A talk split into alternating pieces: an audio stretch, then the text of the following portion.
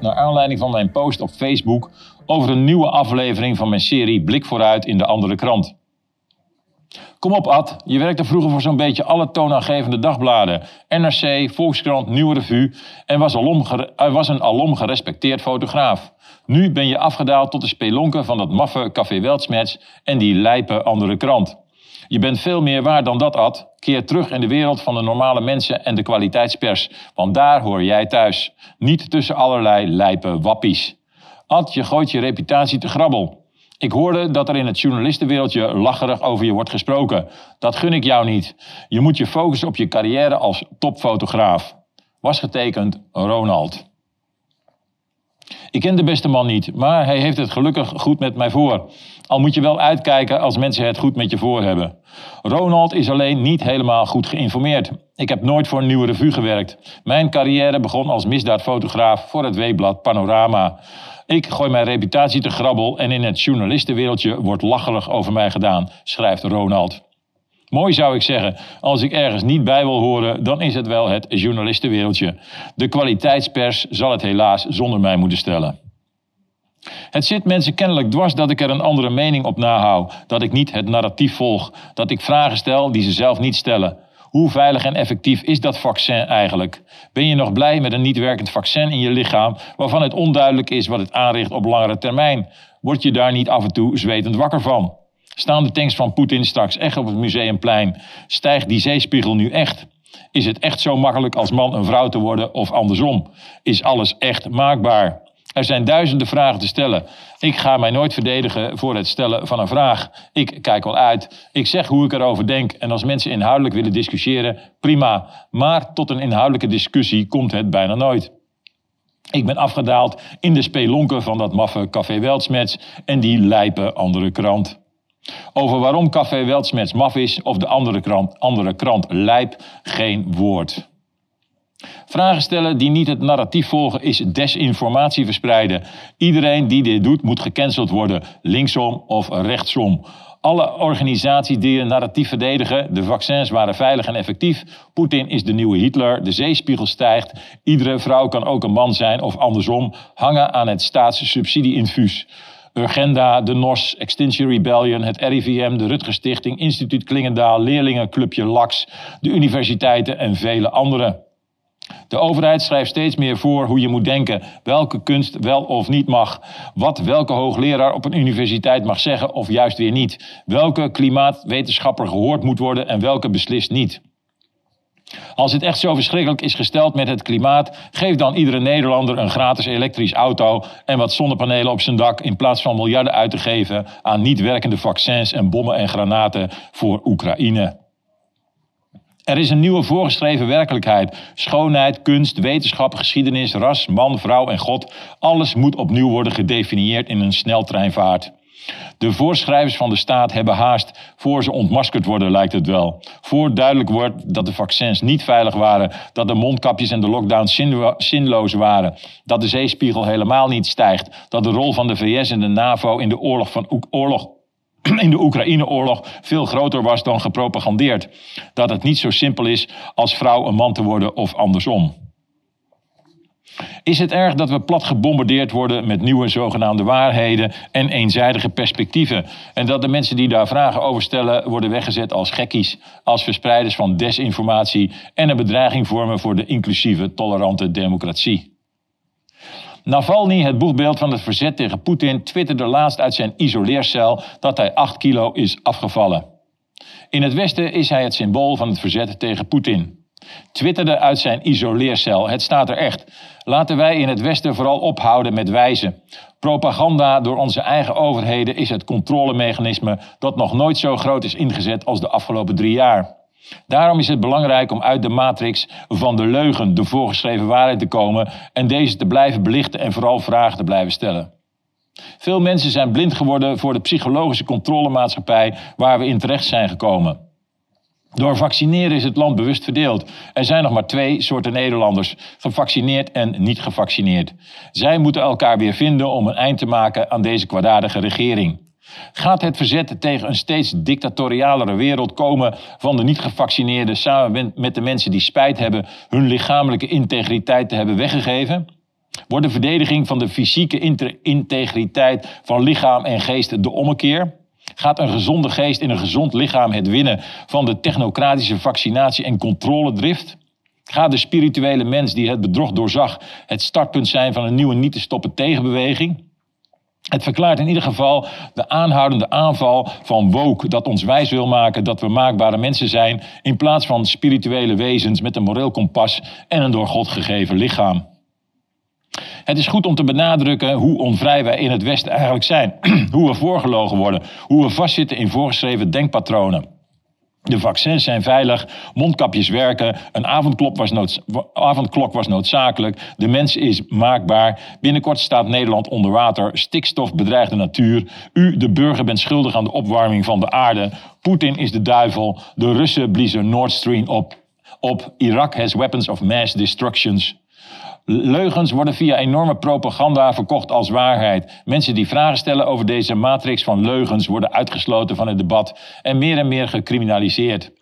Als je in het vrije, inclusieve, democratische Westen grote leugens openbaar maakt, word je ook gewoon opgesloten. Vraag het aan Julian Assange.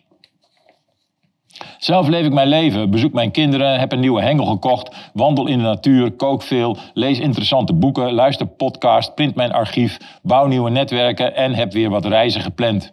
Waarom zou ik als journalist, fotograaf blijven werken in de voorgeschreven werkelijkheidwereld van de mainstream media bij een krant als de Volkskrant of het AD? Waarom zou je op willen treden in een woke theater waar je moet doen alsof je neus bloedt? Waarom zou je met je foto's of je kunst in een woke museum willen hangen? Ergens eind 2020 zou ik samen met wat andere fotografen een grote tentoonstelling verzorgen met als thema De dood in Fotomuseum Hilversum. Op het laatste moment moest aan de lijst met fotografen volgens voorgeschreven protocollen nog een extra vrouw en een allochtoon worden toegevoegd. De tentoonstelling kon je alleen bezoeken met een QR-code, dus gevaccineerd of getest. Ik heb niets tegen vrouwen of allochtonen, integendeel, maar wel tegen vaccineren en voorgeschreven protocollen van ambtenaren achter de schermen. Na een turbulente videovergadering heb ik vriendelijk bedankt voor de eer. Sindsdien ben ik de voorleeswappie van Café Weltsmets. Voor iets ouds komt altijd iets leukers. Mensen die er anders over denken, mensen die vragen stellen, zijn lastig. Die moeten worden uitgesloten van het debat en liefst gecriminaliseerd. Er worden allerlei cursussen, congressen betaald door de staat en de Europese Unie organiseert om mensen weerbaar te maken tegen de vragenstellers, tegen de mensen zoals ik. Wij, de vragenstellers, zijn een gevaar en moeten bestreden worden. Wederom bedacht door ambtenaren achter de schermen. Volgens mij is de dialoog aangaan uiteindelijk de enige manier om de stil, stille kloof die de laatste jaren is ontstaan te dichten. Niet in je eigen echokamer blijven hangen, buiten je bubbel durven te stappen. Daarom ging ik een paar weken geleden naar het congres Nieuwswijsheid tegen desinformatie doen, vraagteken. Georganiseerd in het Hol van de Leeuw, het Instituut voor Beeld en Geluid te Hilversum. Een kennis- en inspiratiebijeenkomst voor professionals in het voortgezet onderwijs, bibliotheken en de journalistiek. Het evenement was mogelijk gemaakt door BNetMo, een expertise-netwerk rond desinformatie en factchecken. Het is een Vlaams-Nederlandse samenwerking die weerstand moet bieden tegen de impact van desinformatie. Het project wordt gefinancierd door de Europese Unie. Je bent nieuwswijs als je weerbaar bent tegen desinformatie, is er te lezen op de webpagina van het congres. Wat is desinformatie eigenlijk? Wie is de arbiter van desinformatie? Is het wel te bepalen en door wie dan? Zijn het onwel, onwelgevallige politieke en wetenschappelijke meningen die stroken met het narratief van de overheid? De vaccins waren 100% veilig en effectief, communiceerde de staat de afgelopen jaren. Goede journalistiek is een pijler van de democratie, zei een van de sprekers op het congres. Het is een waarheid als een koe. De journalistiek moet de macht het vuur aan de schenen leggen. Dat is precies wat er niet is gebeurd. Vragen stellen over de massale vaccinatie mochten en mogen nog steeds niet gesteld worden. Tenminste, niet in de mainstream media. Daar wordt het onderwerp inmiddels verzwegen. De maatschappij doet alsof er niets gebeurd is de laatste drie jaar. Iedereen doet alsof zijn neus bloedt. Een trauma wordt verzwegen. Het trauma van een verschrikkelijk virus dat niet veel gevaarlijker was dan de griep. Lockdowns, mondmaskers, avondklokken en vaccineren hebben allemaal niets met volksgezondheid te maken. De hele bevolking is collectief gewotterboord met alarmerende berichten. Door angst is de samenleving verdeeld. Er zijn inmiddels nog maar twee soorten Nederlanders: gevaccineerd en niet gevaccineerd. De mensen die niet mee zijn gegaan in het narratief, mensen zoals ik, zijn buitengesloten, geridiculiseerd en worden nu langzaam gecriminaliseerd. Het leven dendert door, maar er niet over praten lost uiteindelijk niets op. Ik zit hier al bijna drie jaar mijn columns voor te dragen.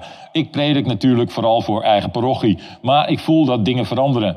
Ik ben en blijf een grote criticaster van wat er is gebeurd. Ik neem geen woord terug van wat ik de laatste jaar heb gezegd over vaccineren, het World Economic Forum en de WHO, grote geopolitiek, de woke-waanzin, mijn buurvrouw, de unipolaire macht van de VS, het klimaat en de uit de hand gelopen macht van banken, overheden en multinationals groter dan staten. Mijn gevoel, mijn intuïtie zegt mij dat het tijd rijp is om meer buiten mijn eigen echokamer, mijn eigen bubbel te stappen. Wij, de bevolking, moeten elkaar weer vinden. Van de politiek, de NCTV, Mark Rutte, de rechtspraak, de instituties gaat de toenadering niet komen. Zij hebben, zoals ik in eerdere columns heb gezegd, de bevolking uitgespeeld, om welke reden dan ook. Zij kunnen ook niet meer terug. Ze kunnen nooit toegeven dat aansturen op massale vaccinatie en uitsluiting door een QR-code misdadig was. Het is hun ondergang. Mijn intuïtie zegt dat ook mensen die trouw het narratief hebben gevolgd buiten hun bubbel willen stappen. Grote krachten bestaan. Er is een soort vreemde miscommunicatie over wie het goede doet. Daarom moeten gewone mensen elkaar weer gaan vinden.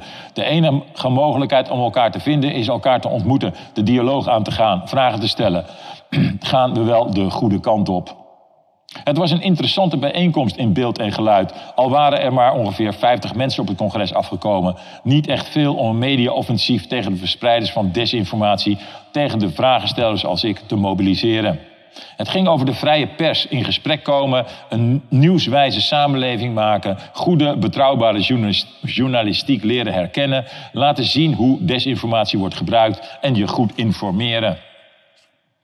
Allemaal goede bedoelingen, maar tot de kern kwam het niet. niet. Echte vragen werden niet gesteld. Een paar keer was er ruimte om een vraag te stellen, een paar keer stak ik mijn hand op. Wat is goede journalistiek? Wat is desinformatie precies? Wie is de arbiter die bepaalt wat desinformatie is en wat niet? Was de propaganda van de staat, vaccins zijn 100% veilig en effectief desinformatie? De sfeer bleef gemoedelijk. Antwoorden kreeg ik niet echt. Voor goede discussie was geen tijd en ruimte. Maar toch heb ik er een goed gevoel aan overgehouden. Mijn vragen werden niet geradicaliseerd. Ik voelde mij geen moment buitengesloten. Gesloten. In de wandelgangen kwamen mensen naar mij toe. Goed dat je die vragen stelt. Er is weer ruimte voor een debat tussen gewone mensen. Het narratief van de staat is niet meer heilig. Ik voel het. Samen krijgen we deze kwaadaardige regering eronder.